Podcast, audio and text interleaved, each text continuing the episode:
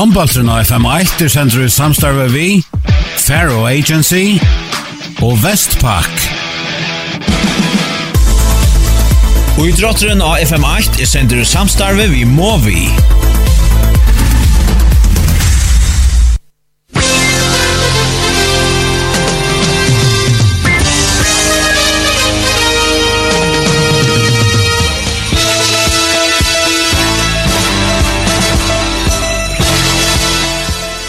Velkommen til Beinleis håndballs fra Søgn.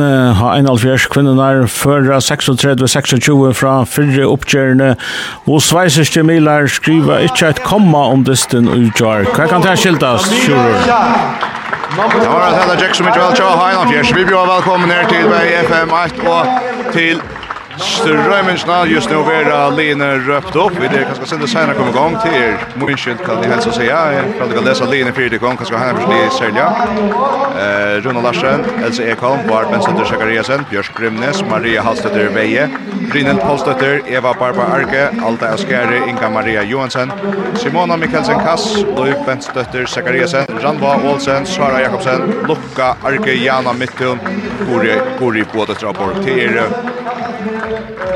Heimaverslegarne. Eh, tað sveis sko. Der er Spawn Eagles, kjent til Darby Chenna Center with Jar. Og Ja, nu vill jag ta röft ropen. Låt honom ta till vi. Jona Jegvas Larsen. Nummer 2, Elsa Ekholm. Nummer 5, Var Benstøtter Segariasen. Nummer 6, Bjørsk Brumnes. Nummer 6, Maria Halsæter Veie. Nummer 9, Brynhild Palsæter. Nummer 10, Eva Barba Arke. Nummer 12, Alta Av Skjære. Nummer 14, Inga Maria Johansen. Nummer 16, Simona Mikkelsen Kass. Nummer 17, Louis Bentsetter Sjagariasen. Nummer 18, Ranva Olsen. Nummer 25, Sara Jakobsen. Nummer 28, Luka Arke. Nummer 11, Jana Mittu. Og nummer 95, Guri Boadøtter av Borg. Venjar Jainal Fjers, Erin Jolsen, Mars og Marsker, Jens og Kipagølle og Ari Ekvansson. Referees to this match are uh, from Iceland, Svavar Pilsson and Sigurdur Frastarsson. Som domar som og jar. Som så allt som i jar är har vi inte bara i an näkra bröting just. Eh hade det här som vi lärde sig att känna från i jar är då vi en hade lyssnat så här nu glömt att lugga ut. Men jag för hon annar dystren i mitten Spano Eagles och Hanna Fjärs Roma färdig i gång. Och om til ikke fingret av vi, om du ikke har finnst av vi igjen, så vann Hanna altså vi vid Tutsche Malon 36-26. Og en annan för jeg halte, men til tror jag vet också i Hongkong jeg halte etter en skälker i Europa. Ja. Som hände Charles. Ja, nu vet jag inte om Europa vet out och som som här säger så är Schweiz så Schweiz gemelar så inte skrivit om det. men uh, Allt annat lycka vill gå så den överraskning så Kjellkor, ja men vi vet ju gott att det har något förslag lika gott alltså. så ska gå ut att vara formstarka Sali i kvinnodelen i år så ja överraskning Kjellkor aldrig kanske usnäck sagt men uh, det var väl att såcha hur det är det att det är alltid avvärst att två lim mötas på så stort att tog kan man kan man nära att uppe på jag vill gott sagt hvis jag var jag så svenska linje så jag gott hugg efter sig skuld stäcka Marie Veje och Jan och Mette det här Gjørto som da passa i da, eller, det er Gjørto som da passa i i Gjørto Argus så det er avhåverst. Ja. Uh, Jana vi sig monomalen vi har känner gjort. Var en 8 nutja häst. Jag har faktiskt listan ner för att vänta, vänta vi. Men det hjälper Andreas som mer man alltid som tar rutta på den och kommer. Super. Ta var alltså Maria Veje vi så någon Sejan Pinnon som en standa här så pet. Han har nog stått lite astra att det är inte ofta man ser en sån domare säger alltid att förskyder en topp europeisk och handboll. Åtta mål till Janne Mitten var det ta så Janne var det Gorja Borg i tre mål och han också fick sig två mål och Zachariasen fick sig två mål och Elsa Ekan fick sig två mål. Brynn Postet fick sig ta ena mål. Eh toppskytten tja svenska spån och Eagles värd har Senja Hotel som vi läst hos han också om Arendustin minns det hon alltså en som ja Maria Sölje har spalt i mot för en ena fair vi landslin och är alltså svenska landslagare så jag en högre vankren var svenska skor. det är Samira Schart nu för Spåno Eagles och i A-lopp. Her her var tutschemal at hacka inn, og så skulle jeg minnes til at det jar var Heinafjers oppe på noen utelig. Det vil si at skulle det enda, skulle det enda ved tutschemal just, så skal Spåno Eagles ha skåret flere enn 36 mål för att da søgn vi Annars kräver det 11 mål seger till Spåno Eagles. Här blir det der, Stelin som bäst på bakker och strika. spiller till Sumsten. Hon var jag en gång i jar, men att det går veldig större. Jag har en fjärspajna vägen. Från Og i første støvn i det til var Sakariasen som bjerger støvn i det. Først etter seg fire, ta spån og Eagles slipper av mitt fire. Så rann det atter, Hotel til Stelin. Kjemmer vanker rundt, er det høyre batch til Hådel, trippla inn i måte. Bøtten han går ikke vel, skal Stilin for en av vinst og batch til Bøtten. Mitt fire, og så Per var og fengar Bøtten, og Hirschall og Smilaje. Siste ned er Louis Fer Bøtten, Pura Frøy, og Så bjerga Mavergen, Størbjergjeng, Størbjergjeng, 0-0 i midten Spån og Eagles og Heina Fjersher, og i Sætna i Robacup Nej, Det er round of 24 da så är alltså efter vi det kommer i topp 24 och i kappingsne och vinnaren för vi är till topp 16 alltså åttonde pars finaler. Oj, oj, läckte kappis och svekna långt nu. 0-0 i mitten Hannafjärs och Spån och Eagles. Hannafjärs får inkas här i stövne. Maria Veje. Oj, så är Jana mitt om... Jag jag ska med hon får alltså, hon blir tackla bak, bak i halsen. Extra Andreas? Ja, jag hade gussi han är han är väl jag vill gärna sätta sig respekt. Mina mening borde att han ska vara utvisning men man ser ofta att i början släppa spelarna som de har innan vanligt och här har gått mål. Gott mål från Luis Gariasen och sen är löjt han hoppar upp och skivar Maine och försöker att svart armen. Men så mest så får vi hållen och får sätta bollen i nätet. 1-0 till Hajar Fjärs Luis Gariasen. Här är det gjort, igen när rattliga hör för Maktberg. Spawn og Eagles, og han sa særlig etter Jan og her vi har takling, og det er gav sin plåst løv, så at flere for denne jar eisen, annars har vi sett ofte tja heina fjers.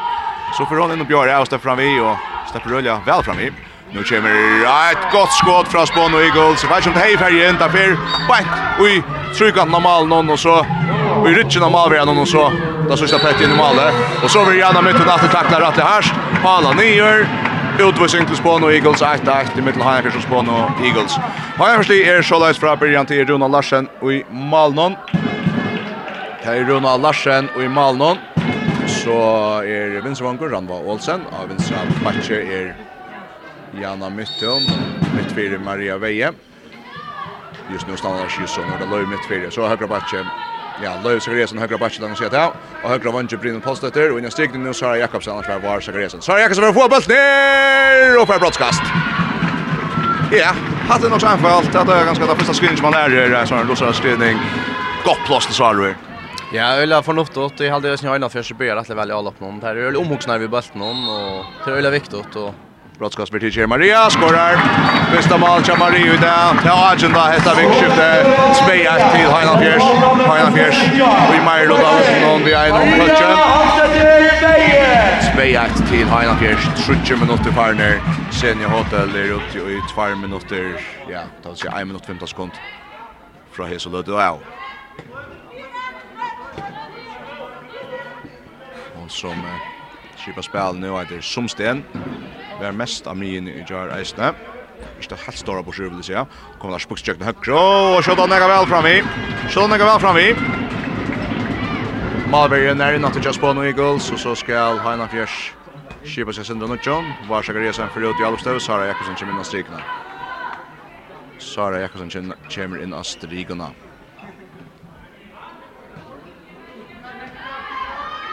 Maria Veje, plås ut til venstre. Ranva i kjøkkenen. Ranva av venstre vantje, og han skårer. stossa bøtten fram i bein, ja.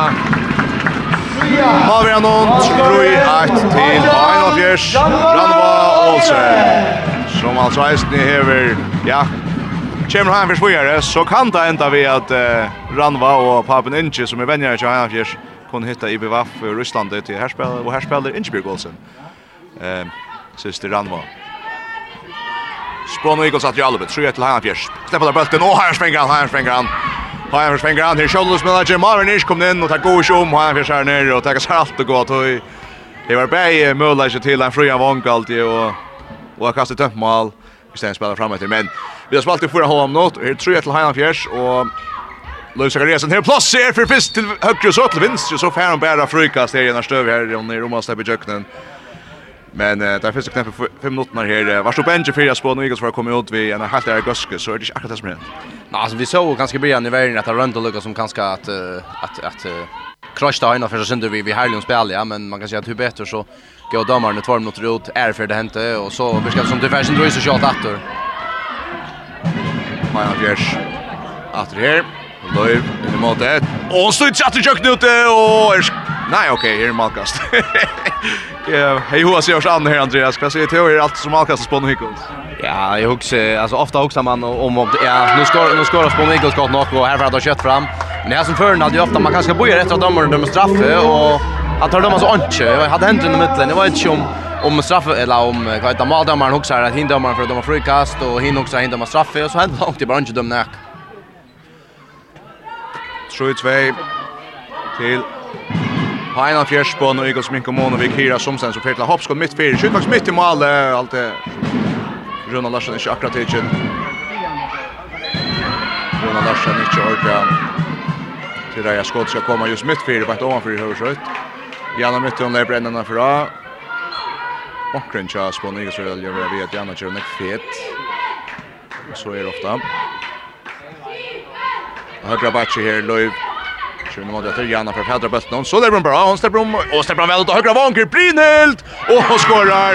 Og Smavergen fjer. Knæja Bøtten som støkker inn korsene. 4-2 till Hanna Fjers Brynhild. Passet till högra vanker.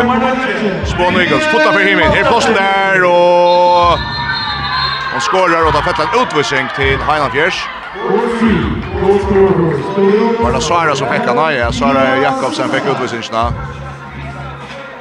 Men där skorar så väl där. Ja, det är samma spelare som vi då säger det som vi hade i Mönjum skulle jag i Malmö. Eh, Mian eh, Somstein och ja, hon kommer in kvar för och färra lite skum från här och det är ganska läge. Nu har det gått sig given ut som kvän vägen och så så det går ju lucka här. Så har en först en farja Vettlund här till Malvera nu. Var så grejen kommer nästa strykna. Janna mitten trippla här. Vi tackla helt upp Jamine. Janna mitten och nu vet inte hon Så Bajan just har skorat också fitta mål och här helt nu för det där. Han ska röna chat hem mot chans. Player on. Nu får han Jack ut i högra och frikast efter Goldkarst. Frikast efter Goldkarst.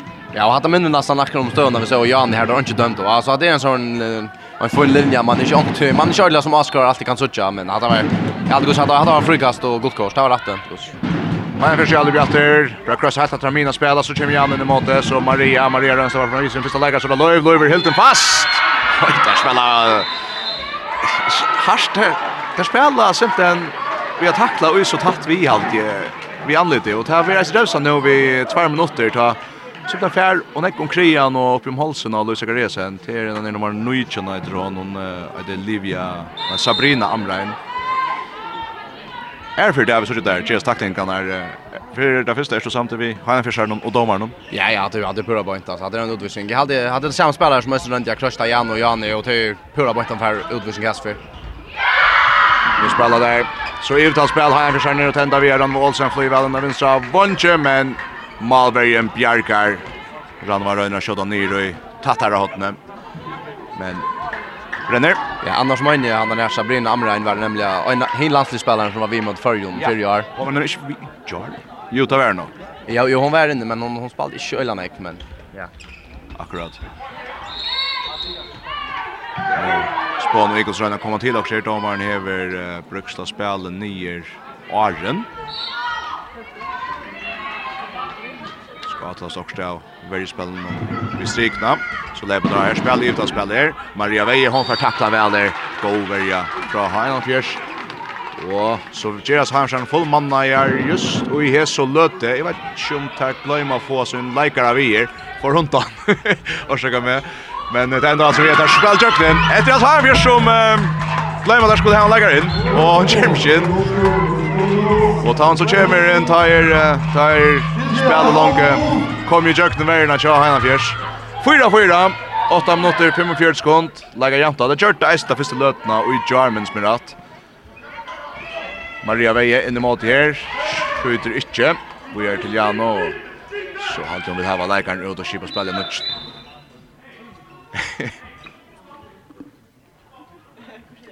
Pura kvist helt. Ja, vi hör Asma sier. Stopp it, säger han. Ja, ja, tar det. Det blev vi Europa, Maria Weijer skritt.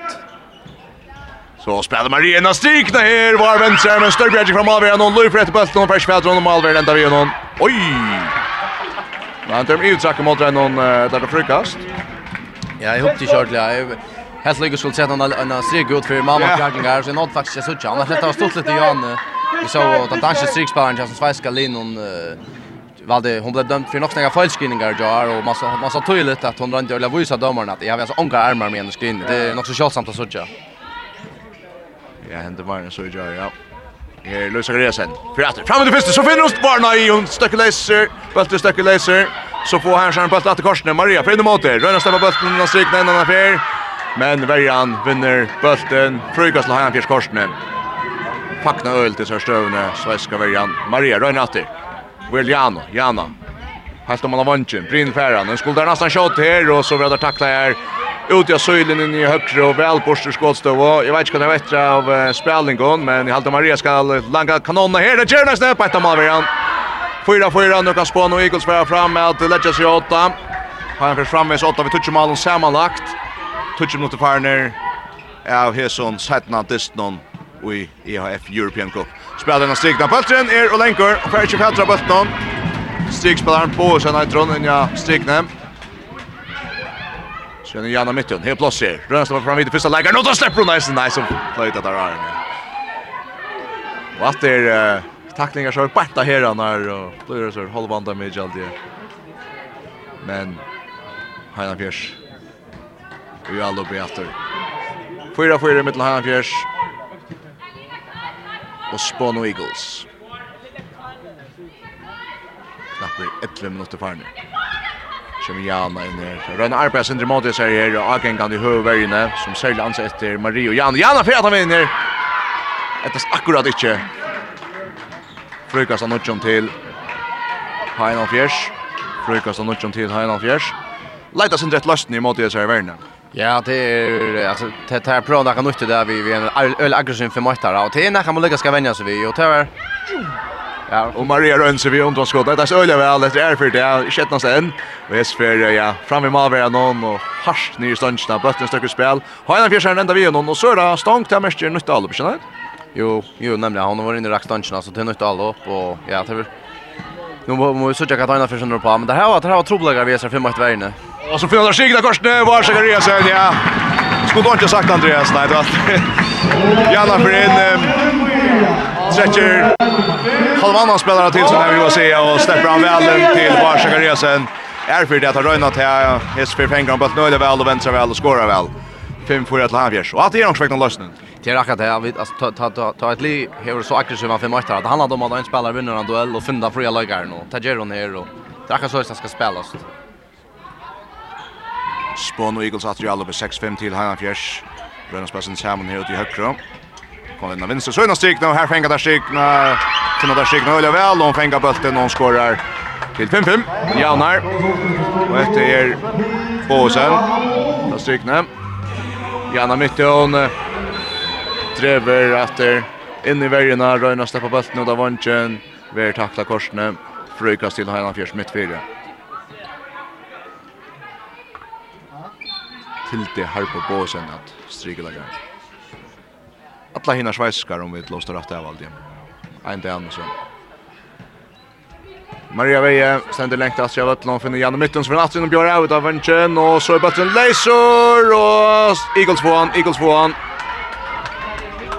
Eagles får bulten så faller kött fram här. Stelin fra vinstra bakke inn mot Mine. Få det bøtten til Stefan Janstrikve. Nei, her kan jeg komme hjem fra en hatt i fire. Og så er Eilarikar til Taiwan alt, alt og aggressiv å få fædra. Jeg vet ikke om han rønner på fædra bøtten, om han rønner på stekka kjøttalåp noen. Venta vi at varverer, ja, varverer, ja, drien av gulvet, jeg vil hva sier. Og tre utvisningen til på Nikos i det, og det er ikke den første til henne, det er andre til Sabrina Amrein. Ja, hade hade super faktiskt att det ser ut att hon är öle viktig i världen chatta men hon långt långt finns två utvisningar och vi tar så ju om att hon alla första som gjorde den tackling som kunde göra sen vid utvisningar och så hade gått en läkare som kom för att visa sig det men tog bättre så ja så hade ju klart utvisning där då. Röna tar per extra en buske helt att det går hon har fänga en sentning av vänstra back Maria men Maria för fatta bulten över tackla korsne. Frykas till Hanna Fjärs. Alltså är kommer komma in i upp här. För den strikna kämpar den til venstre til Ranvo, kan ikke være jøkken i korsene. Maria Kjennum, så rymmer den, for ikke kjøtta, Jan her plass, Røyner slippe om han i høyre, hentene er til Eagles kommer fire bølten, men han støkker at Jan, og så blir han takta. Frøykast til Heinan Fjers, og så drar der, sier dommeren, så drar der, Iva Solange. Iva Solange kvar Lange hver bølten skal, og Eagles hver bølten, nå kan det letja seg åtta, Stærver 8 i det helt det. Var 8-1-0 i jar. Vet ikke om det var 8 etter det.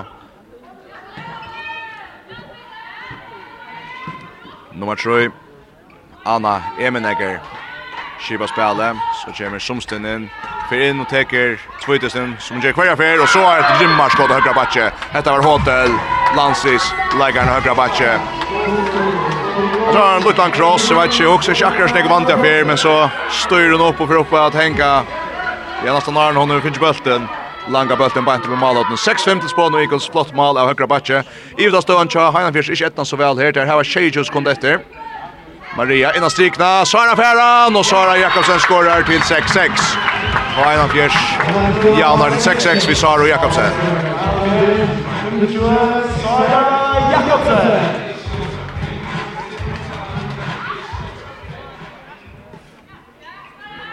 Eagles at Jalobet. 6-6, ekkert til fjerde. Og minst til Eagles skal så vinna vi ja, helst 11 malen om det skulle etnas vi er fra vågjere. Vi kapper ikke. Om ikke vi er da her fjers. Og nå vinner Heimsreis spølten i verden ut gjennom midten for driblande frem etter. Boja senter, og vi er takla etter godt Ronny Heim. Vel Ronny Heim av Eagles. Det måtte være en somsten som fikk takla gjennom. Så tenker ikke Åsen time out. Og tok seg sin kila godt at... Uh, Det flyter ikke lukka vel som gjør. gör. Nej, precis. Och det är ofta det som man gärna vill ha vid en, vid en här frimöttvärg. Och era förstyrda flow i spelen om. Och kan man alltid bara man se att det är det svenska lednast vi. Eh, typ man kan säga att det är bättre så alltid heller inte ordentligt alla spel flyter så väl just svenska linjen. Jag syns inte, syns inte styr vi handbollsspel från barn så ju. Vi såg om ett land nu att ha en av faktiskt. Eh, här är den ena av två i Nej, Ja, han var går. Jag hade det var Louis som som som ligger framme och Eisen förstår det och tar sig bäj linje har teacher och sen där en teknisk initiativ från Jara va och talde ju ofta är något så smart och något så nej och tar man mött körnen innan för så stort att toy eh då så avvart att söka kos då ser jag innanför så att alla lösa det antar att ja, tar han väl lite 6-6 i mitten halvfjerds og Spåno Eagles. Lager Sjøen i janta her, men Magnus har touch mål Chekel som det ska bli ordja, ordja hektiskt där. Ja, och jag vill bara lägga vid mig så jag vet att han är nummer 9 som är rätt aggressiv där. Hon kommer oss in att vägarna så jag vill det sagt att det får Janne mitt undan lägga av henne och vannan kan man få henne ut och på ja, stått att höj. Ja, kvist där. Vi håller fram vi ser nummer 9 helt upp i Ayano då han inte får bollen ner så Røyne Maria sender bulten kvicklig om han har vinstra vong, kommer til her fire, men krønnet til innkast til Heiland Fjers. Jag vill så jag har en affärs faktiskt för att spela mot 6 så det går sig ett initiativ som som tar av tagit i sin dust någon. Maria Vej innan strikna på den läser och så tapp bomben här är häpning jag synte vi Heina har en fjärstjat här är Buttonhus har tagit en svensk kan foten i vägen. Och så frukast till Hanna Fjärs. Rönat inspel här från Maria till Saro. Jag går ju men ja. Malvern Shaw han försökte tjej alla bara inne. Radar om. Oj, så får det bulten. Svejsaren är helt upp mål så kastar mot till Tom Malnon. Och för läkt läkt fram i. Ja. Okej, så släpp man sen där. Ja, det har lost i snack och det schemat sex spel men det här stoppar under Rosinga hur sig här försöker. Ja, akkurat hade det ofta det man kanske inte ska göra att man får bulten som likar ett mål i tömt. Det var ju så ofta att det hjälper ganska små lycka till att dribblinga och kasta en annan lycka av men sen i hodet vill så kasta bollen fram och räcka faktiskt ja. Väl du synar Maria Vei, om man har vunnit ner, rann av gott plås och rann av Olsen till 26 till Hajan Fjärs. Så är det nästa. Runt i Selvin sen tvärs och kör när på från London. Det spelar nästan öliga väl. Från Måsen gör väl det. Så för att där i vägen och skjuta men på ett av Ronald Larsen. Ronald Larsen för hämta bollen. Går Bjarke för Ronald. Jag vet inte om han första till Ronald där. Och det är bara få han igång till. att Hon var resten särskilt för hållet. Han står i månen alene kan kan man nästan säga. Ja, han knivar ju inte alltså. Malmö är alltid tuttingar mycket och Hon stod en öliga öliga gång dyster jar och var en stor orsak till att han klarar vinner touch mål. Jana Mittum mitt fyr her. Det fanns inte inne efter, så snurrar det skjut ut mot den efter. Maria lägger press av vinstra backe. Hoa kommer jöknen, finner Ranvo helt där så faller runt om vatten natter. Jana Løyv og Høkro, Janna har bøtten midt fire, så lever hun av, så kommer hun jöknen! Og så langer hun bøtten i malet til 8-6 til Heina Piers. Fyrsta mal til Janna. Och jag säger ja, Vi börjar sen det men Det känns det som att jag tycker bröder Paula kommer till. Det stannar katt på för för akkurat slapp jag för nu. Ja, akkurat det som du säger. Hon har väl vi vid när affären är, men men hon är helt klart Lidslund. Klack kommer Jackson här till hon är. Hon är den Donaldest till till Ayman Raymond så. Ja, hon hon är Lidslund tar där kommer så långt ut. 8-6 til Heina Fjers, 16 minutter, 40 sekund færren av settene i Robocop-dysten her i EHF European Cup Vill ha en fisk spån och Eagles ur Schweiz. Nu spelar väl Schweiz här nu. Ut av vänstra vång. Men Rona Larsen bjärkar och har en fisk för bulten. Här vi är ju spalt i flyr för en huxar. En trutcher som att sig högt. Där spelat chans uppåt större kvarja fyr till vänstra vång. Så denta. Jag vet inte. Bergos Bjerg. Ja, det sa öliga om jag ut. Det sa nästan, alltså, jag hade så nästan arrogant ut mot någon bjärgare på alje, Men annars såg vi det här systemet som där Ösen Kordu gör faktiskt. Det är så backrus Här som ångren blir pura fröjer. Och ja, det är också hela försluga med man sätter till att hon är så pura fröjer. 8-6 til Heinan Fjers, 8 minutter, 20 sekund færen. Tid og strømmer sin til Suttja til han, vi sier eisen fra i radioen her, så... Og FM Hack. Så her må de bryr vi. Luz Zachariasen innan mine her, Maria Veie. Innom Suttja metren, stepper ikke kjøkkenen, så Sinter Roales til Brottlia. Ivas og Sinter, så for Løyvin og Bjørre av. Enda vi en frukas på det kjipa seg sinne nutjon. Maria Veie! Høttu i undanskott, han lutsinner alltid, så teker han standande i brannskott, og helt ut i høyre bakke, drev bøtten tvers og mal, helt ut i malhåttene, hinner med en. Flott mal fra Maria etter nutjon 6. Så fra Eagles som han vinner vangstepp, ikke jøkken her, og tenda vi en går takting fra Vars Agariasen. Fyrir jeg hatt li å ta i Huxi Heimsen, høyte finnes jeg liksom Stegga, Stega, enn han lødde Så nu är sex till Hanna Fjärs och där har jag gänga brott ja väl bättre och Schweiz tar time out Schweiz sier, tar det spån og Eagles ur Schweiz bronsevinnar ur Schweiz.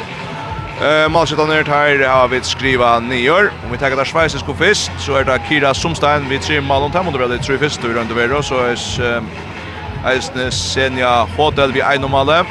Så til det her på påsen han er sånn tveja, strikspilleren. Så vi har en fjers, Løyv Zachariasen 1, Maria Veie 2, Brynhild Polstøtter 8, Løyv Sakariasen 8, Ranva Olsen 2, Sara Jakobsen 8, Jana Mittun 8. Man är kört upp bench för jag ska gänga gall igen.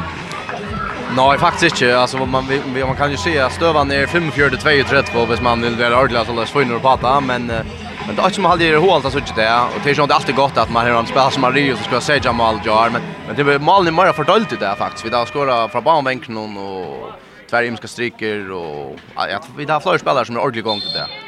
Ja. Det är nog så Ikke så jævnt bort akkurat at Dormansen slikker er en fra Øyjar.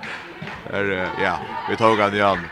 Seidjan og åtta mål til Marie og Jan og Avega Vist. Ut av 5-36.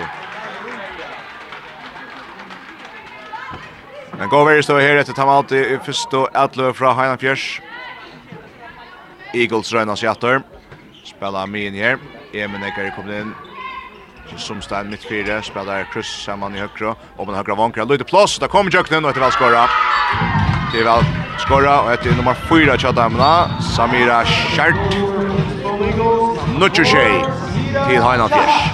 Eagles, Minkomon, et timeout. Så får jag Hajamsen Jökni högre och där och Brynet postar till Jimmy Wallen. Räkar av ståndsna. Böttren stöcker heppet till Hajamfjärs Atramin och här är Fjärs här i fyrster. Nutjo tjej till Hajamfjärs 20 minuter farner av fyrra hållage och i hesson sättna i Robacop. Distinon. Hajamfjärs vann oss vid i Jar om till just av Tendra så tog frammanfyr vi tölv målen sammanlagt. Elsa Ekholm, hon bjør av her, og så vil hon krøsta lite sin til skjuter Malvin, enda ikke vi alla store troplakken av skott noen. Kunda fra Hivin, Eagles, som stein etter, Øl Agengane vanliga, innan strikna, og her, Fær Miverjan, Tja Heinafjers, fæter av inspel nå, men til etter at, ja, Jag har tacklat också väl av strikspelaren Eisen i alltid. Bara ska resa ända faktiskt jag fänga bulten här alltid. Jag kör skärvt i. Hon är öliga gav att fänga bulten att han kommer in, känner du? Jo, öle väl alltså att det är ja, ta för bjärga du i sista lötet kan man säga. Eagles Shiba spelar något jobb. Något ju till han fjärs 20 mot fjärde kompare. Emen det går Amin så frädar man högre hotell inne min att där för att innan min vänstra krastas ju man högre och över tackla Patrin Carvo gör korsne. Tvärsom näker högre in mittfältet och hotell så place så heter väl skora. Nu Något 28. Svenska Li heldur bulten høyrandi og tett nästa kommer att eit Gott hoppeskott. Det är vel avgreit av Hotel som är Det är ikke akkurat backskott bakskott, skal Janek Scholl, 28. Nå er sin hoppa skal vi inn, eller så is. Konjersson dreier. 28 till Hajan Fjärs. Janna Mittön. Han skorar. Renner skott mitt fyra och tar teken Malvena boll och Böttre stryker mitt på benen av Malvena. 28 till Hajan Fjärs. Och Eagles att göra uppe. Hårt in måte. Ranva och Maria får stäcka fälla. Frukast till Eagles. Frukast Eagles.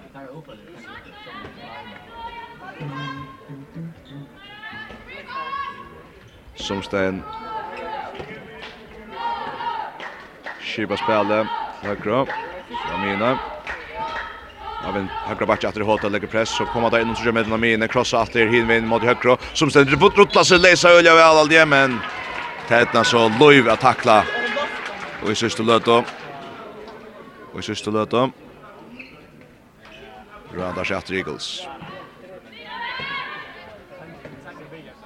av högra batche hotell av mine som ställer in affär och så hade brukt fitta Alvin här efter att han och Domarna kom upp skulle det också så skulle han sen tackla det är mun chans han Alvin gett till ganska en tvär också ja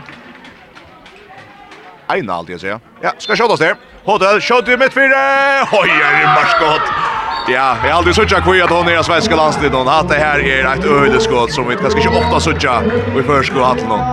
Ja, vi suttit här en ölig tänkt av skott någon. Man ser här är klassen Mondor. Det undrar mig faktiskt att Ali rönnar sett han har upp. Uh, Det som du säger Johanne, då har han kommit jag någon där som ska göra det själv. Så i Kilsk får att spelstudenter tar hemmen inte kör ett landa vi omkring ja, vi omkring dubbelskinning eller ett landa så där han upp till skott till ja, ett ödeskott. Tutsch och nutsch till Heinar skott jag så mitt fyrt här. Och langat upp i målhåttene, högre med sig. Jon Larsen är ikke ordentlig mulig her. Tutsi nukki till han fjers. Nå gjennom midten over takla at han er i högre. Eagles kommer näka lengt fram av varje atter. 3-3 varje med som. Som har rejert til venstre til Elso. Spiller seg att Åh, så en av Freke Alvingen har strikna, men hon är och vajen för fram vi. Och så kan Eagles färja alle batter. Hotel en annan för Björn ja på ett mode vägen. Halla spel kvar han diotar för väl. Jack Demer Ronald Larsen Bjärgar. Ronald Larsen Bjärgar. Bjergar. Ronald till Larsen. Det var Sabrina Amrain som häcknesliga kom där sig vet. Men Ronald Larsen Bjärgar. Jo så gott spel och stigen till Haja Fjärs. Och det här rycker bättre. Malmö Fetchi Pedra varsågod resen. Varsågod resen skorar till 1 minut. 1 minut.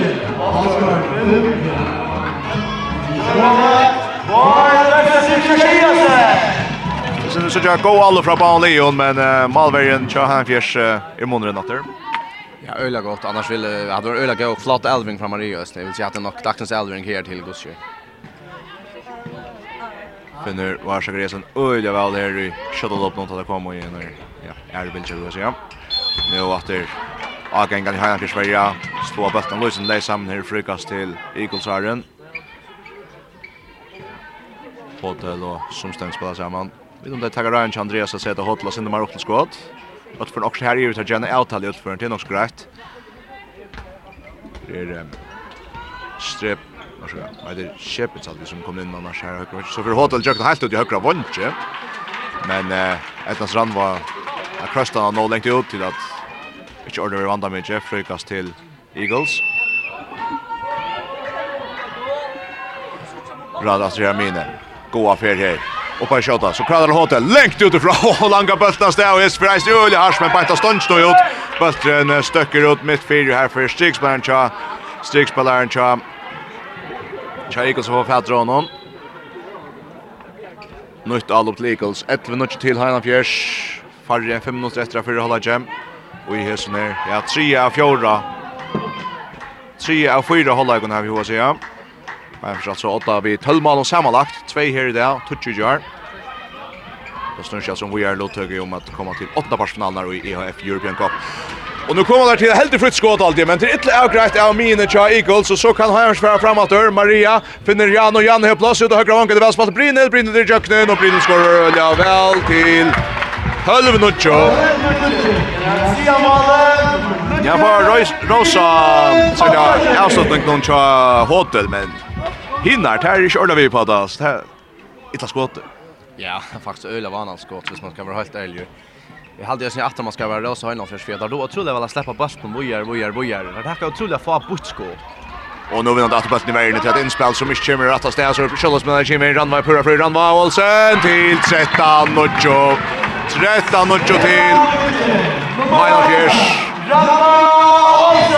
Vi hade sett den där vi då säger så på att igen att ta det som fisk blir gänga sen ytterligare timon så jag där inte gå någon med. Nej, och jag hade så jag kanske sen satt ner i jar hade det vi hämta men jag hade att ta in för ska bara blåvi och köra och straffa där att göra såna fel. Eagles run out after how kan even ja tvärstryk runt runt över. Som är som sten. Namina Shevich til Hotel. Hotel for Jøknen, og Halden Søtjer er et brottskast, ja. Det var brottskast til Eagles. Og ja, for sekund kommer vi. Her stender han, altså, sterske mynten, altså, iver. Det er ikke ordentlig ekkert av Øtland som kan spela vi akkurat på hatt der. Hopper vi øyler for i Jøknen, det var slutt i Holtjøknen. Skjuter mot Rund Larsen, skårer vel. Harst til Høkron. Inn med Stønstad, 13-12 til Heinald Fjørs sen jag hotade vi mål nummer 4.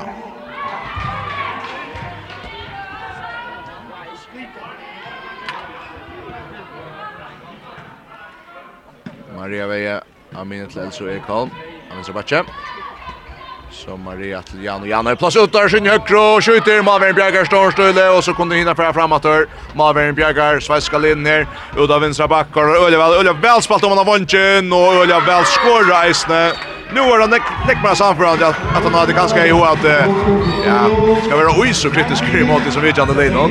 13-11 till Heinan Fjärs. Han försöker hålla affärerna. Janna rör natt för högra backen om han har glömt kanske väl i köknen. Bøtter må halta seg mine, vi har en lenkar kjenting til Mario.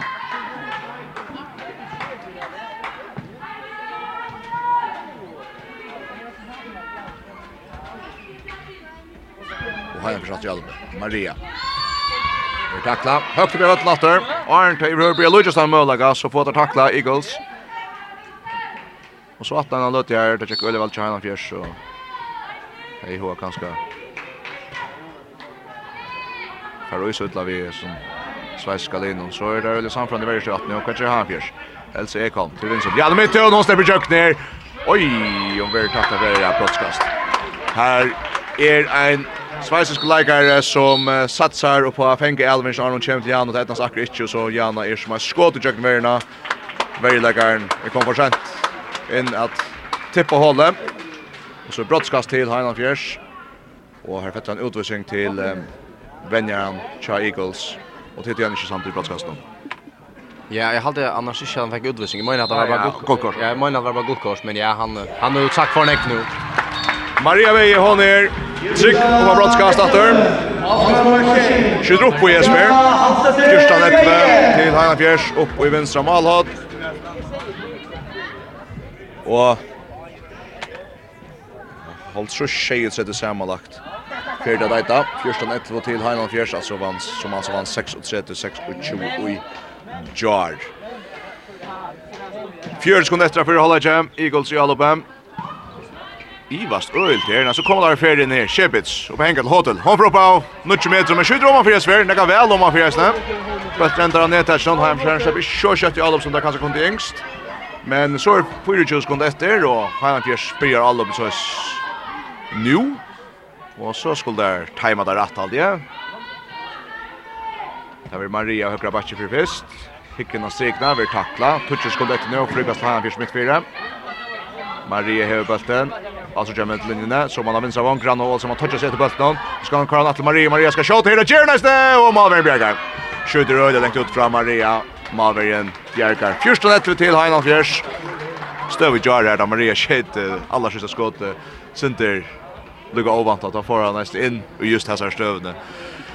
Men fyrst han ett till Heinan Fjärs som jag vet inte om det finns mer målstöv men uh, Sinde Lindley är distan jar kanske.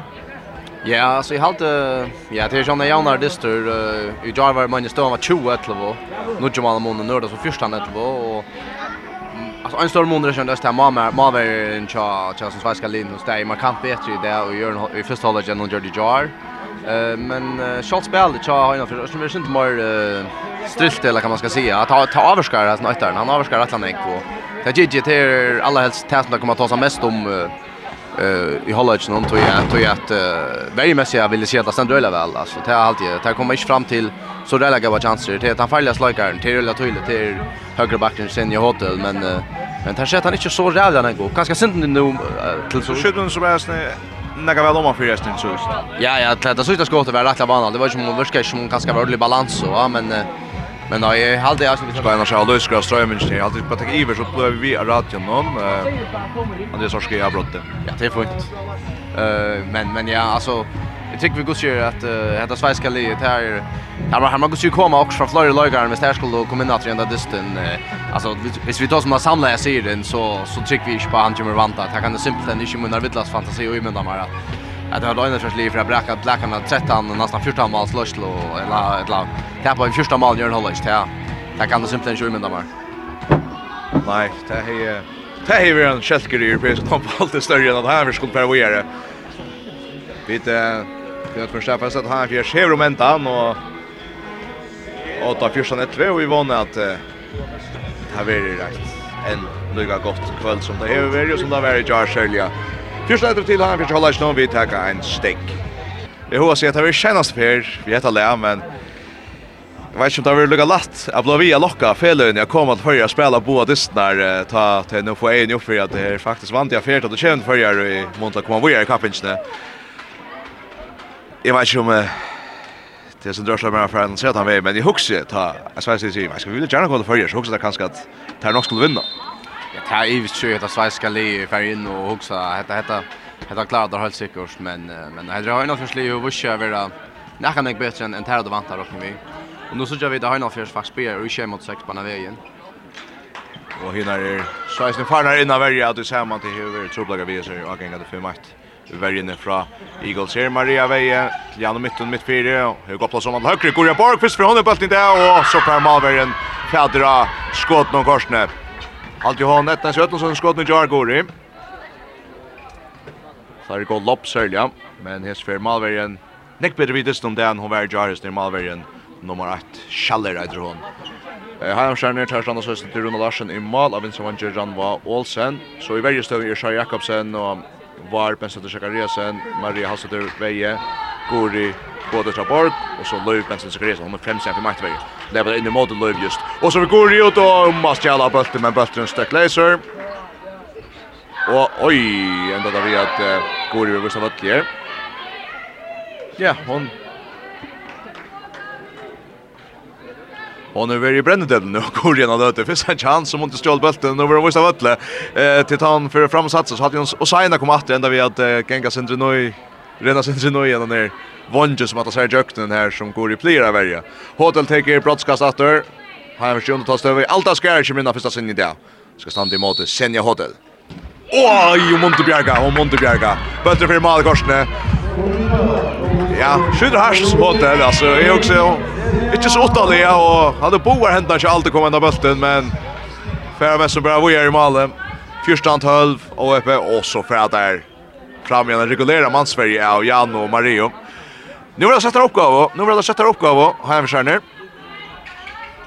Löv och Ranva spelar samman. Löv mitt fyra. Helt plötsligt Ranva, Ranvas, Prakra Federbult, Norma, Värnbjergar, vi har sin krosta. Ska toucha sig ut efter spölten. Så färra Eagles hem in. Helt ut högre. Maria kör mitten. Hajars för bulten. Hajars för bulten. Här röjna en... Ja. Oj så Jarva Alvering läkt ut i vänster. Helt om han högre. Och Alde Maria nästan ovars för västra hånden upp i bulten. Stöcker han till Hajnafjörs. Jag har hittat sin ut av vänjarbunchen. Vet jag hur det här halvt om stövna. Till att det här har varit att hittat initiativ ut för hon svenska leje. Svenska kvinnor. Vi får nu det dubbla mansvärje av Jan och Mittun och Marie Veje och nu ända satt han nästan vinner bollen. Och så fär han för sin utvisning Sara Jakobsen ända vi att uh, koppa svenska strikspelare då ja, danska strikspelare vill så runt över ja. Till till Bosen.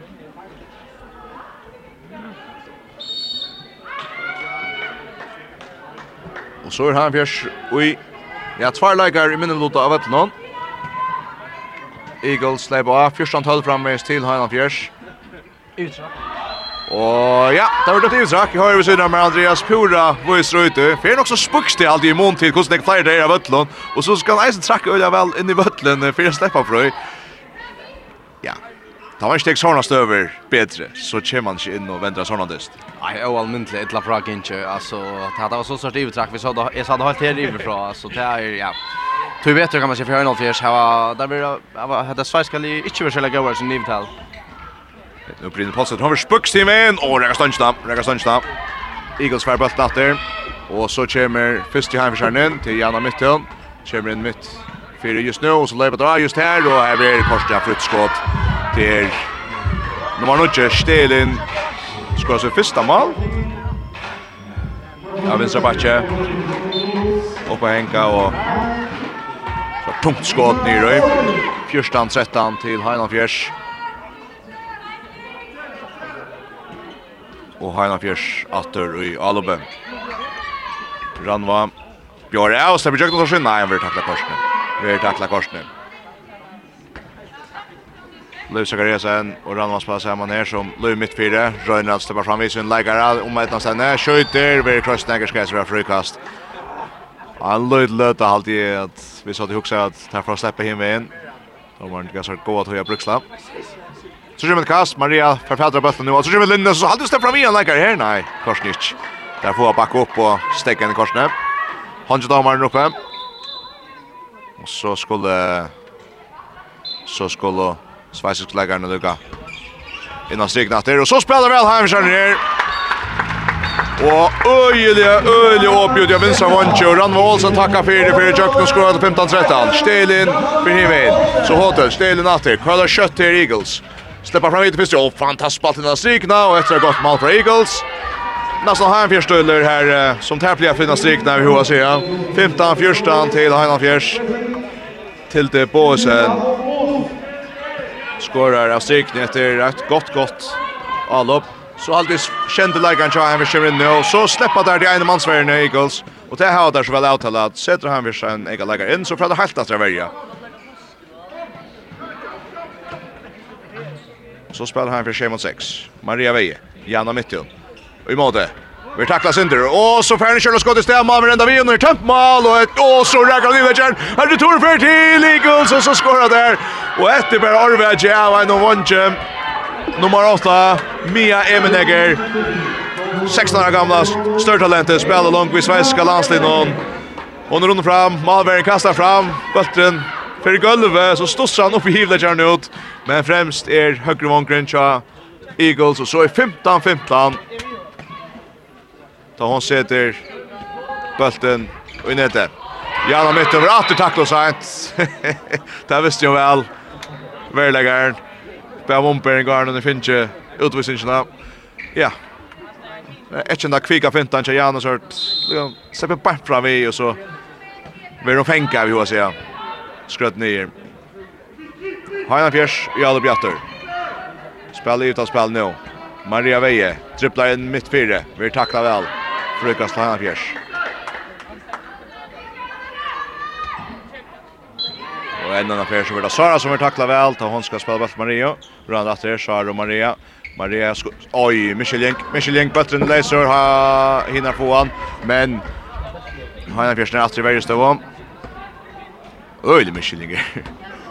Kväll Andreas. Ja, jag hade att uh, Tata är också aggressivare. Tata så rutlat och överska spel rattliga när China för så vi är inte överraskade om uh, Hanna försvinner nu tacka allt nästa all upp. Tata jag hugger inte att det gång så illa i ut här så är det ofta till att mamma just styr på någonting. Ja, vi ska skora ett mål här den första halva kända minuten nu. Sätt nu hålla igen. Vi vill värda stå några samma jar. Nu oj, gott mål från högra vänstern try Eagles. Så Eagles 8 16-15 till Mia Emenegger. Och så vid Haipan och Center. Artisten Jar och när 16 går mål långa spalt i svenska landslaget någon och Hei ikke så godt skåringsprosent, men uh, hatt av flott mål. Ja, det är flott mål. Han går inte det bättre i långa hörnet alltså bättre än öla gott skott. Ja, man kan se vi man kan ganska se vid hajbana men nu ärste jag när jag säger han men man man också sjön att han har varit ett talent han kunde släta man som bara 16 år gammal spelar vi en allanslig och fair fair flöjer mål som möter Jones som Ryssland och och så och Polen ja så men men man ser att det är här här gott potential igen till Angelivium till eh Men ja, nu är det hörna förstli allvarliga när om till att det är inte ordentligt kommer utlandet när jag sett hålla igen och det är det som också i kan vara troligt att man är så länge framme för det tillsammans. Eh det mentala och lyckas man kommer ut så man haft en steg och nu har Argos ju bruk för att få gott all upp nu så det går ju komma upp på jaunlag till att alltså Ja. Nu är det inte akkurat att som att ta tempo i Europa för att för att det ska gå kötta att hinna ta månader än, va? Nej, det tar bara ofta rävla farligt när man spelar för att en dyster ska ända. Man ser det med land i fotboll och handboll till ofta. Att han gånger så köta. Så spelar för att för att lyckas få tyna gänga ja, men så så gång det öliga kött emot där. Det är resten i hela 23 minuter efter att spela. Må sauna i månaden minka er ner i nutje mala måne. Ett mala måne. här er det alltså. Eagles framför vi är någon. Janna mitt och dribblar och måste vara till också i högkrov. Vi tacklar korsene. Malvern Heier som bjerga om hon slapp a skjota. Frukast til Heinafjers, til Kjer. Løyv og Maria spiller sammen av Minjo av vinstra bakke. Maria kommer inn i måte min, Så vel ut til Ranva. Ranva pura frøy. Etter godt skåra, etter godt spalt. Og så 16-16. Ja, där där får liksom locka locka vägarna in efter så spelar det efter. Ja, jag hade nämligen att här har locka Mario några färna liksom in efter här liksom mot dem fänka kan man säga. Eh Yes för Jerome och Ulla Gamma vände på till Ranvo som spelade nästan goda dist där. Hon var kanske sindra open Jarvis som första skottet men kom väl in distant läntan så i där hon finns fem mål och till ja hon har spelat Ulla väl. Er, og så kommer Bjergjkan reisende i Hemmerslevne. Runa Larsen, perfektra, längs kunna vinstra batje, tar stelen, skjuter. Runa Larsen bjergar. Og så ja, fikk foten av, ja, 16-16. Og så kan Hemmerslevne skjøte etter. Um, Svenskali hever uh, valgt at bæra mannsferja Jano nå. Och nej, nu tackar Marie ut korsne. Så för Löva det på. Vi är helt Hilton. Fröjkast. Så att det är det Kan ikke kjente leikeren inn Har han ned, men Løyv Holm bjør av her. Rønnes var framme i sin leikere, av her takla, ja, hun sier, oi harri, og det er så Harsbæk som sitter fast i hestelen, tja Løyv, au au, godt det ikke av lengt hardt, ja, det skal ikke si, jeg har spalt håndball til Harsbæk så ofta. Andreas, du nevner at lengt hardt. Här fjärs är frukast. Blue Zachariasen in mitt fyra Maria Veje Vejever. Helt så finner Sara och Sara här plats och Sara skorar och hölja väl. Sejan 16 till här fjärs här skott åter. Så pratar och så spelar väl där hårt i jukten. Sejan Sejan och tar det så skorar så är det ofta vi ölja kreativt gåon om Malon. Termia Emenegger som vi just att jag Jamal Janne hon driver in efter och så kör han bara att romsju och här känns så backen att rom och man har vunnit och oj det samförande spel där. Sejan Sejan Eagles Janne åter. Ran Olsen Björn är vi mot just hotell hotell för händerna då. Vunnit Cha Highland Yes och stäcker in. Goria Borg kommer in om här finner Luis Zachariasen där går i högra att Gori Gori Luis har plats och hoppar bult i målet. Är det gavel? Ja! Ajan Sejan til Havjer Skurja Borg, Brudde Jøkna av Gravanger. Så får Hina himin, Vince Vonker i plås, er Jøknen, og han skorar, og han skorar.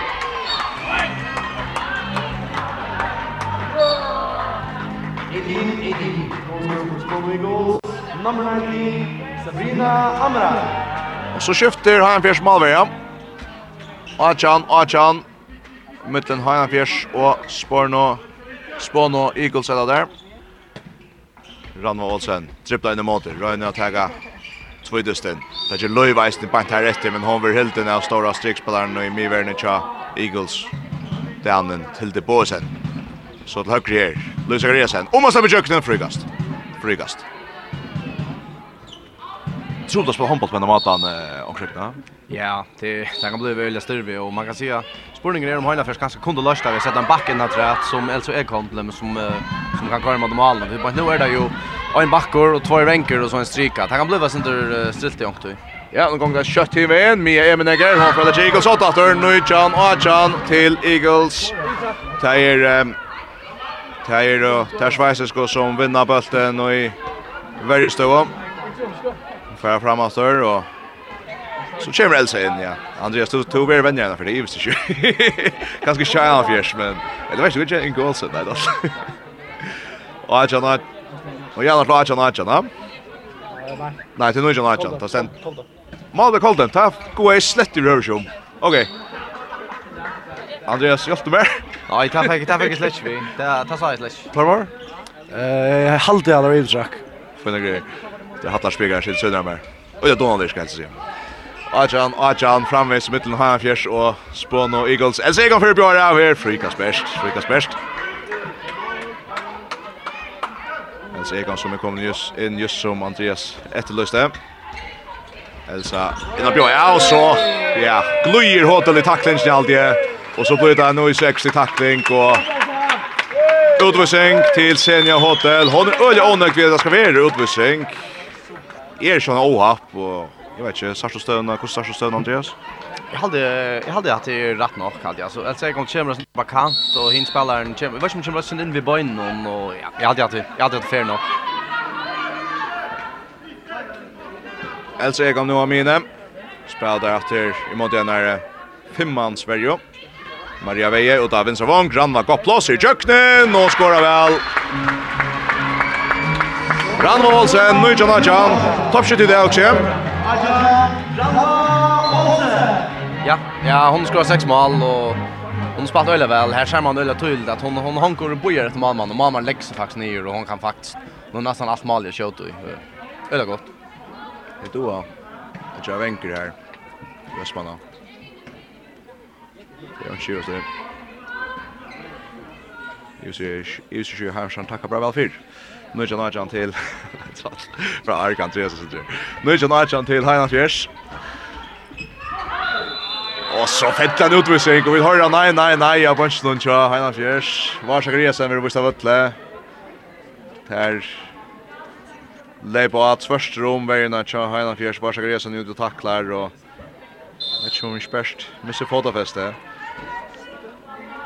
Nøytjan Atjan til Heinan Fjers etter 12 og en halva minutt. Lever av vinstra backen mitt fyra till välspalt och så skjuter hon längt ovanför. Halt i isen att hon blir virkelig kröst alltså. Hon vill Oreg var öl till skott någon eller kvart. Ja, jag hade jag. Inte dömt. Nej, och jag var inte hade jag nästan stöv någon. Jag var inte ordentlig alltså. Hon färs ordentligt skumpa alltså som så, men hon vill Oreg på center och ta hon är fri jack någon och Ja, visst, jag vet inte, men alltså det så som vi har all lätt om han för det så. Och öppen stöva för Eagles här må vi ja. Men här så skulle bara ta ta ja. Elsa til Mario, av vinstra vannsjen, tar vidt at det kommer hesfer, er det synder man klarer. Mia Emen Eger for akkurat Hans etter er han ikke bejøkten, så rødde Atle Sara og Sara plass, og Sara snudger bølten innom Malverian. Tjoa Jan til Havjers. Og hette alltid at nu var Atle klara på at Bøtten skulle komme til Ranva, og så i stedet er det Sara som blei mot Reinon. Och det var frakkert. Ja, det är gott och nu är det gott att Anna Maria är så mycket tålen. Han inte vill stressa för dem det gång först för jag bara samma om att och och egentligen chansen kommer och här kommer gå chanser till Signa. Han försöker om man vinner bulten här i vägen tar för den fröka spänt Arren. Men nej, ha en förstås som Karen också fjätter det svajs i svänjaren att låta sig ta time out om man har lötta. Tisdagen som mycket för honom. 20 John till Highland Fjärs. Går 16 mot 1 att spela och nu kör Verjan Chaimes väl Det är ju undertalet. Alltså Och så tar han time out och ska nästa akkurat där att det är sen drog men de att inte gånger så väl. Ja, vi var ju sjö som då tror jag kanske väl ha seniorhotellen i Alpe tror jag att han sa ölja. Ja, danskarna har ett år som ett idé för det. Det var ju själva katt katt men rålös då. Ja, alltså det viskar ju ölja förvirra. Det viskar nästan som där gång visst det var givet till Det sa ölja ja, sa inte själva gott ut och så det som om att uh, Asponda Eagles vi att kan man säga blacka hända disten när jag golvet alltså Alltså samla samla urslit vi rongan vi vantar för jag har men Jag nu ju Watchan så där jag spår Eagles kan sagt hans vinna hända distin men jag hade där vi har spelat där sent näcken hand och natter och en av för sig och finns ju bättre styra då och och med andra kommer kommer nog snägga under vinstra vån och något här som vi ut här men jag har där finns ju bättre bättre styra nu och tag det. Chua John till Hanan Fjärs. Vi har gott och väl kort här ganska 16 minuter efter att spela.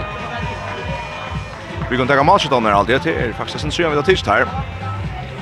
Her er det såla. Spyr Hanfjers. Var Sagresen 2 mål. Maria Halstetter Veje 3 mål. Brynhild Polstetter 2 mål.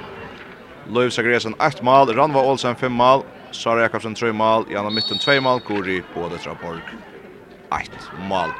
til Tja Sveiskalinon er Senja Hotel ved 5 mål. Annars er Mia Emnegar finnes kjørt 3 nu. Så sannslet Nakira Somstan fremmes 3 og Tilte Båsen 3. Og Eagles er bare, oi, hon ser ut att vara kommit jökt en uh, Vince Vonkren, men uh, bulten ändrar hånden til Gorja Borg, og och där ser domaren, där släpper hon väl. Där slipper hun vel, Gorja Borg. Så här har han bulten, og han har en fjärs för opp. Og har en fjers spiller skje mot 6 og tjej. Eller vad? Nej, nu kallar man väl den match. Janna mitten av minjer, av vinstra batje Maria, av høyre batje Elsa. Ranva, en av mina. Så det Trojana. Och det Ranva åter. Ranva Jöknen och Ranva Olsen med sjön satta målet. 22 21 Jan till Hanna Fjärs. Satta målet tja. Kända mål tja Ranva Olsen har med. Oj så Mia Emenegger. Ja. Det tar på här vänster vankren tja Fjärs och höger vankren tja. Tja Eagles som är då främst där i målchansen i Lötne. 21 och 19. 21, Nujjan til Heilandfjers, Mia Evenegger. Ja, Mikael Månen for Eagles. Oi, Sara Jakobsen! Ja, ja. Det er tåra sedan igjen, så er mot Einstøvån, og halte hun kjert øyla godt, fær bølte ned, venter seg vel imot øyla storm verlegaren, og så skyter han, for knallar skotast der, rekker ivlegaren, for ikke innstaver brottskast til Heilandfjers. så kommer Nutcher Malver inn først, så kommer han i det, så han nægge få for når Jar Marion Orsteidron. Maria Veie teker brottskast. Loppar! Om han fyrre, om han fyrre, om han fyrre. Og det vil jeg sende meg avslappa i sin där Maria. Ja, och ta Jim kanske jag vann det att hon skorar sån mål och jar hit Lee tar ju extremt fokus på en sån likare och hon är hon har släppt slappen till till så skotten som hon slapp i jar och tar ju kan man säga det är bara det är bara naturligt att rockning nästan helt vi hon är vanta slappa så så så väl det skott. Maria och Janna faktiskt bara finns fem mål tillsammans där och här skorar alltså ja. Vi räknar kött i hötterna en 26 i gör eller så.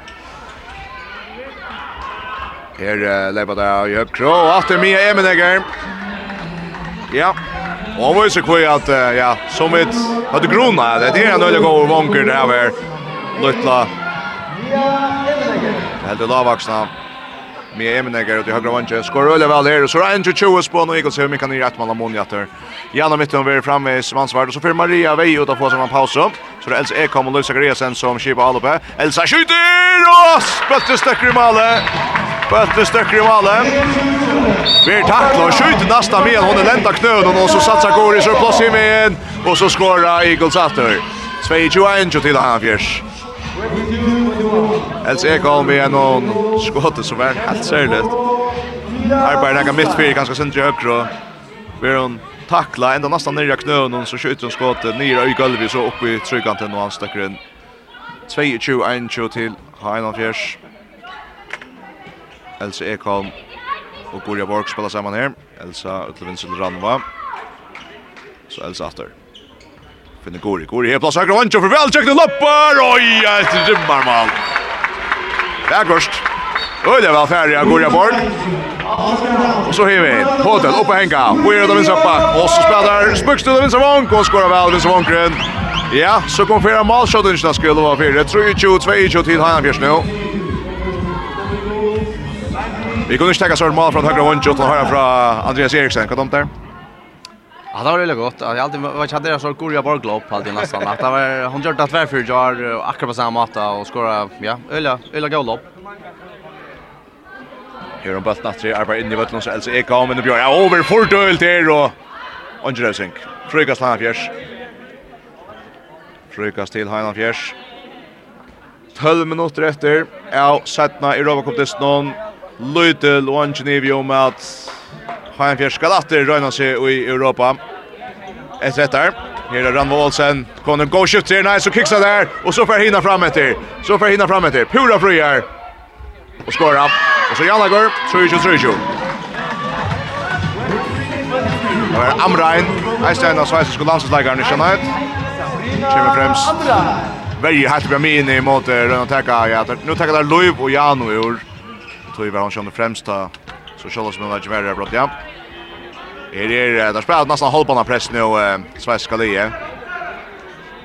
Og ja, Lute Kila. Og så spelar vi alt om seg, väl her er Sara Jakobsen. Åh, stansnut, stansnut. ut. Ulle var spalt av han her, sig. Bänkte vel inn og hjälpa til. Bäst enda den strikten så kunne kommer fra fram fram man sig och åtta. Kjødde ikke først i Atlevo. Og så halt jag att Sara Jakobsen för att få en avtale, eller kvart. Nu røyna trekja Trotje. Ser att hon vill tråka och Det är kanske sin lite av men hon, ska, hon, ska, hon ska allt bli om att tror inte.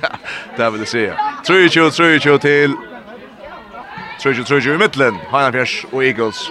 Heinanfjers 8 vi touchar mål sammanlagt till touchar mål där vunnit vi i jar. Där är det 36-26 till Heinanfjers alltså. Hotel Björn Röhl väl av här men Sara Jakobsen hon ständes in.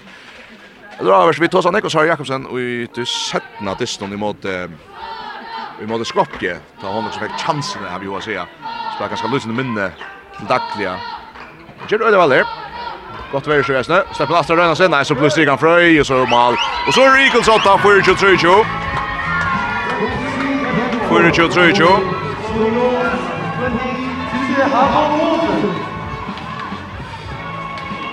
Touch nummer 30 Lange Striglagaren, Trine Tilte på Østland du norske med. Skorar. Else Ekon rønner finner Ranva, og så kommer Termut Latter. Ranva tveitser bølten, han slipper ikke igjen. Sverserne på han, så fredag hjemme inn. Stelen, trippler inn i måte. Øljar Fer, Ivas og Sinter, kjemper til den som om korsene, tar Jøknen, og tar skåra. 25-23. 25-23.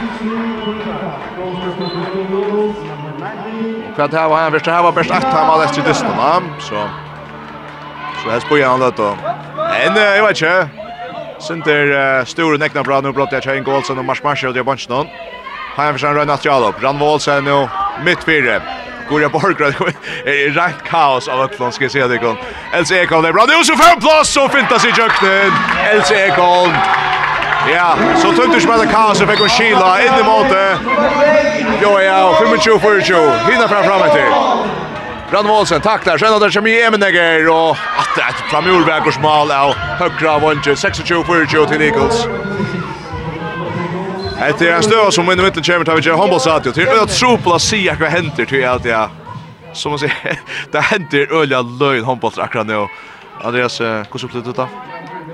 Ja, så vi tar som alla för så blir det som du säger öliga kaos Hombols då är faktiskt bara nästan en man drar in och här här detta svenska liv vill att tacka tacka Jan och och och Louis ut och så är det liksom två vänker och en back och en och en, och en stryka och Ronne Elsa ser kör faktiskt att skåta en skjuter blocken Ranvar Arvedgen fänkar det torn då det nyer. Oj, vad händer? Dral. Ja. Ja. Dral och Neck och så spelar där fram ett här och bollen till Villarechen Schweizer och så skorar där och så är Eagles åtta vid Trim och Malon. Och är det framme så 8 mot 30 och så tar Johnson timeout här må han nästan. Shea Chu för Eagles. Og jeg sier tvei ting. For det første er jeg blir blå liten sturen, om vi så touch malene. Jeg vet, det skulle, det skulle bli ett mal alltid. Ja, ta, jeg skulle ikke gjøre løye. Og Mikkel skal vinna. Så, så langt det er kjent at vi ett mal til så er han for svåre. Og det er at, det er irriterende at, det er ikke tro på at han skal få, få syren i distan. Ja, det ser sin trubbel ut nu och där har var tur ett nästa väl cha cha cha Spon Eagles att uh, kan man säga attacka flow i all upp nu vi attackar så bollar garna ut och det som ofta händer är att uh, att bara i vänken lyckas söka ölen jag inne efter för att för att det när spelarna minns kan han elva till Men det gör så att allt blir klumpa in efter och det blir öl kaos faktiskt och spårningen är nu nej det gör så inte och så är möjligt om Hanna för för bra och schemat sagt att för på vägen ner men Men det såg gör Ronald Larsen i malen efter så ja, att några andra har försökt andra Nor Elsa så gjorde jag vann någon och det här var bara strykning efter. Ramma för upp den all Ja, så spelar Rönnberg vi omgår vänstra vanja. Det annars rann var jag. Just det väl till det att han kommer upp där. Ja, så det är ruskigt. Men det är ju det där tablo ju faktiskt nästan hellre än vänstra vanja lugga väl. Ta i allt som nu med in så det kanske förnuftigt att få en back in. Så kör här går det ut till att hon är en slam likare. Jag ska ta här lama slam likare Ja. Ja. vi istället för sedan backen här resten. Det är svårt att tagga av. Elsa här plats är så löj och så är plats. Och så får han att han ner broadcast. Och så vi sänk. Ja, det är näst. Ja, ja, akkurat. Och han drar akkurat det här som är att komma in i fer och vinna en av duella. Så, så är det så är det så gott som fröjer nästan. Och Eller vad spalt jag nu. Jag vet inte som vi går i är ju har en förs här faktiskt Ankan Laman högra backa och så tar är det kanske som tog att att man inte ger det. Kimmo Luka Argen att ta broadcast. Hon tog en örgna broadcast i sommar till motivera Och så är han anslig här. Han mest som enda toppskytt i sin kapping efter en rikka brottskosten. Luka Arge, hötte fest. Och skorar! Luka Arge till Mikael Målen till Shage och Pimichu. Har en fjärs framme så 8 vid 8 mannen sammanlagt.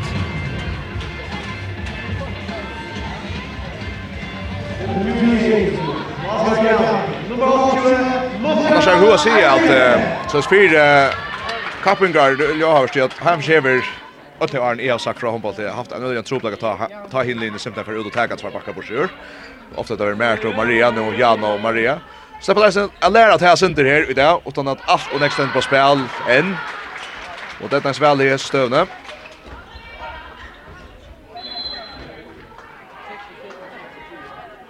Här svär ständer sig stinn nu för tacklet två mot 4 från Frikast till Eagles. Shepard skipa spela. Det kommer att kötta alltid, allt. Jag ser nog samfram ut. Spelar ut högra back till Hotel. Kjem tutjan chatta mitt fyrir finner til hotel uppe henga vel ut av vinstra vong, men Korea Borgul i Orvegen, slærbølten, men atro Mali og så er så hodnakast til Eagles. Kjem hancha Eagles og hancha domaren opp nu til Eagles i alve. Har brukt en tvær alve der, tutjar, fyra, hotel og høgra bach oppe henga, og Runar Bjergar, og ha en av Bjørsberg Nå. Og Heidenfjørs per fædra bøtt noen. Og jeg synes at timeoutet tja Heidenfjørs bøtt er som er veldig stor. Ja, helt sikkert. Og dette var, dette var, dette var nakka av Dette er a pressa skått fra batchen noen som, som mamma med den. Rymne latt vi bjerga. Det er godt. Og lukk. Og så kommer några renningar här. Maria för Fröj och så kommer Löv här. Åh, oh, inte döpt i mot igen. Okej. Eagles Igos för bultatter. Emen Egger. Bojas under ett fältet. Så rör han bjär och kjall korsne. Så kommer hotet Atle Emneger pura fri hesfer och skorar 6 mål. 28-25 till Eagles. Det högra sig kanske de lite starka och 28 25 till Spono Eagles. Lövs Agresen och Elsa Ekons på samman. Löv till gratter en en tvåitis. Näkot i högra och Enda vi en frukast nästan ut i högra vantje. Spinner sistna. Var var leder henne. Var skal tagga frukastet. Då släpper inte ordentligt till att uh, Eagles lägger er och tatt vid henne så ska domaren gå att ha detta. Han så domaren är uppe långt. Maria Veje in i mål där. Röna Björn. Ja, hon måste på läs spinner Nilsson. Nej, det gör han inte. Bötter en stöck fram i Ötlund. Och så är Eagles att i Alibi. Eagles röna där skjuter i fyra nu. Steder. Upp och skjuta. Banta stundsna, banta kommer vi øljare tinkt inn imot i här inte så nekka gjerra, jeg verger nekker hessar stund, hon ständer flöt och fer ikke trekka fram och stora batchen städer men Bøttren teker stundsen at høy bättre för han fjers. Så kommer också igen i Europa debutantra tretten. Simona Mikkelsen Kass. och Machan. Malveria halt Ja. Så Elsa Ekom, hon får plåsser. Høy plåss eisne, Och så skjuter Elsa och og etter Samfrans skåd, och det rykker Ølja vel. Støv Bertlund som kommer den. Araga. Brottskastlinjen skjuter vel ned og skårer. Og hinner fra kjøtt fram etter. öliga San Samfrans spel för Eagles. Bada Sumste. Skårer. Fjora Maljas her. Så går det først trøydest noen. Så han tar kjansnek, kommer öliga kött fram her. 26 och 20 så kommer Luca Arki in och nekva skiftingar nummer 1 efter Inga Marie, känner jag. jo. Inga Maria Johansson kom in. Och så kallar det Onko in nästa. Jeff det la, det ska man då. så det hade ju få inte chans det det var kanske trubbla vinna den där dysten men där til tillsammans så det har varit allt det viktigaste. Lukka Arke, Maria Vei er her og her står bak Goria, bak for Øyla Spøkstid, så finner Lukka! Og nei, og takkar Iver, ja! Hetta var väl färre, väl kreativ spalt går jag bort spelarna min här lockar ju pura fröjt jag tinner men som är fan kött och blogg. Och så kommer Simona Mikkelsen Kasso för sjöna första europeiska bjärjing och det är Rimmar bjärjing emot det svenska landslagslägaren någon. Senja Hotel. Ja ja. Nu har du stöttlen. Ja, det var faktiskt en otroligt god bjärjing alltså. Ett öle harskott som upp i långa hörn och hon hon ständer. Ranva Åsen kommer in åt hör. Elsa kommer när vinstra backen Lukka Arke Amine. Elsa trippla sender Iva sender, så Lukka fra bulten. Lukka mycket kvar inne så tega der tvær bakkar ut til Heinan Fjers. Og Och är så kvill. Ja ok, det för att att trutjar ut. da. Så skal Inga Maria bjöja ja, og fatta vi sjálf, og det gjør det sjølve vel, så skorar om i syn og vinsar med trippla om i høyre hånd, og så skorar Inga Maria Johansen og minkar mot Nusha Church og så fettir en utvisning til Eagles, og til er fyrir kjaftas lilla bunchen, ja. Nej, ja. Ja, ta man det vara som möjligt, vi ser kjenner reglerna där. Så hadde jeg bøsten Buster nära vänta till uh, Eller spurningen är om bøsten. Ja, det hender, han er ju spel fra att ha att skora til att det här sentra så ja. Ja, det det är väl som om om man har fløyta, Det har han så inte och han är så inte flöjta för för för ja, jobbat opp, Ja, avkast. Ja, uppkast eller vad man ska kalla det. Men Men ja, gott färre men då möjliga skilja hur jag kan skall. Ja, det är det. skulle vara skritt men men öle är väl färre släckt det. Så Här uppåt ringer och här förstår någon. Är det ju rätt och ordentligt. Tag av nu, Simon har vi Bjergjeng og så Bjerg Brimnes er skommet inn i mye her Vi er sammen vi Lukko Steppet her til arbeids akkurat nå, holdt det bra Trippet ut til vinstre Brønnant her atter innan strikten til Valspall fra Hinnon, og der skårer vel. Steder enda vi at Stepper Jøkner. 30-22 til Eagles. Hollywood 3 minutter etter, Hollywood 3 minutter mot retter. 30-22 til Eagles. 1 minutter, 2 minutter 20 etter å skal med. Elsa Ekholm lukkar Arkes på sammen, så Elsa slipper til skåter, og da vinner Vong, Grann var akkurat fætter og noen, bøtteren skal ha noen nomater spelar i utan spel här inte lugga kvass som var men nu är där utav en sån granna färbult. Och så Elsa hon är placerad där på på era center. Det var så Här så nu är det åter. Elsa upp och skjuta. Blir tackla och så sen upp sig. Så sen upp sig. Ja. Man ser att det är lugg som inte tar vanliga som spelar in i utan spel. Ölje. Ja, så där tar man lugga ner avtalen helt annat och så ja, kanske sin happy på en utvisning om man om man hela. Ja, Elsa pulsen nok nåt til å takke skått. Det er ikke så god balans men man har færre skump og så er det nok rett nok at, at, at nu han er Alina Stelin utvisning, og nå uh, skulle gå bøtten spela rundt, väl nå er det 6 mot 4. Ja, så får inn i målet här tror jag. Hajna Fjärs att månen. Sammanlagt så för Heinan Fjers Bojare til der til åttenda parsfinalen där. vil ta eita og i jeg sier EHF European Cup Motståndaren har uh, en herrare. Det satt vi där senast. Gorja Borg för bulten till högre och så ja. Själva då loppar all men hiss för för i för Tråden. Jag husar sen det kvui för Malberg så läckte ut honom på kvarja för men hon så akra fingrarspissar när han ser hon. 30 tjejer 20. 30 tjejer 20. Vi vet att Gorja Dora skjuta. Då spelar upp. Nej, nämligen hon har ju skorat ett vanligt eller ett vanligt mål. Ett ett mål här hon skjuter mer än en lappa och hästfärger hade ju att jag mamma rönn som den här lockan hade ju och det är ju en rätt liten mål med och så frösten sina lappa är det ju stor. Akkurat och nu rör han här kvar han flickar in efter. Oh, okej.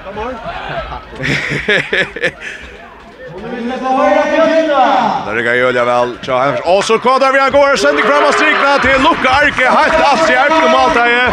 Sender bare til Bant i Fensja Bjørk Brumnes fram av strikna. Och så minkar han og månen ner i två mål sett med 8-2 til Spån Eagles.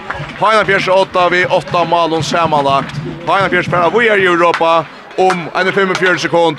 Så Høyres Høyresøtlen, standande lekka brester, fire, Hesson, Nutja europeiska average tja Final Fjers.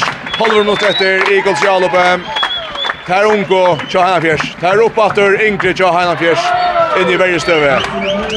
Eagles skorar av en hoppeskått mitt 4 til 1 og 3 til 28. Elsa Ekholm av venstra backen til Lokko Arko så Elsa Elsa är plass i den signal Bjørsk. Bjørsk i frøy etter. Og Bjørsk. hon hämtar fram och skorar Björsk Grimnes till Aino Mikael Mom till Aino 3 Och 20 Åtta sekunder efter. Mia Emenegger för Jiménez och Hotel till Sveriges landslagare ner. Bräste Bräster bulten tvärstreje. Upp under loftet. Och så är distron av. Haina Fjärs är i åtta parsfinalen och i EHF European Cup. Och där fäktas och där sannas igen runt in Javetlon. Spån och Eagles. Moheim til Sveriges. Her til her er då bronsevinnare fra i fjør, og der må også posene seg om at jeg så er det litt atter til at Europa er det taberst. Heina Fjers som slipper vi her igjen. 1 og 3 ved 22 enda til strønn i dag. Malskjøttene til Heina Fjers var og Solais. Else Ekholm i mål, Malon var Sakariasen, 2 mal. Bjørs Brimnes, 2 mål. Eh, Maria Halsetter Veie, 3 mal. Brynel Post etter 2 mål, Inga Maria Johansen 8 mål, Loiv Zachariasen 8 mål, Ranma Holsen fikk seg 5, Tjej, varsågod med. Ja, jeg synes ikke noe, ja. Tjej, Sara Jakobsen 3, Luka Arge 1, Jana Mittun 2 og Bori Bådøtter av Borg 2.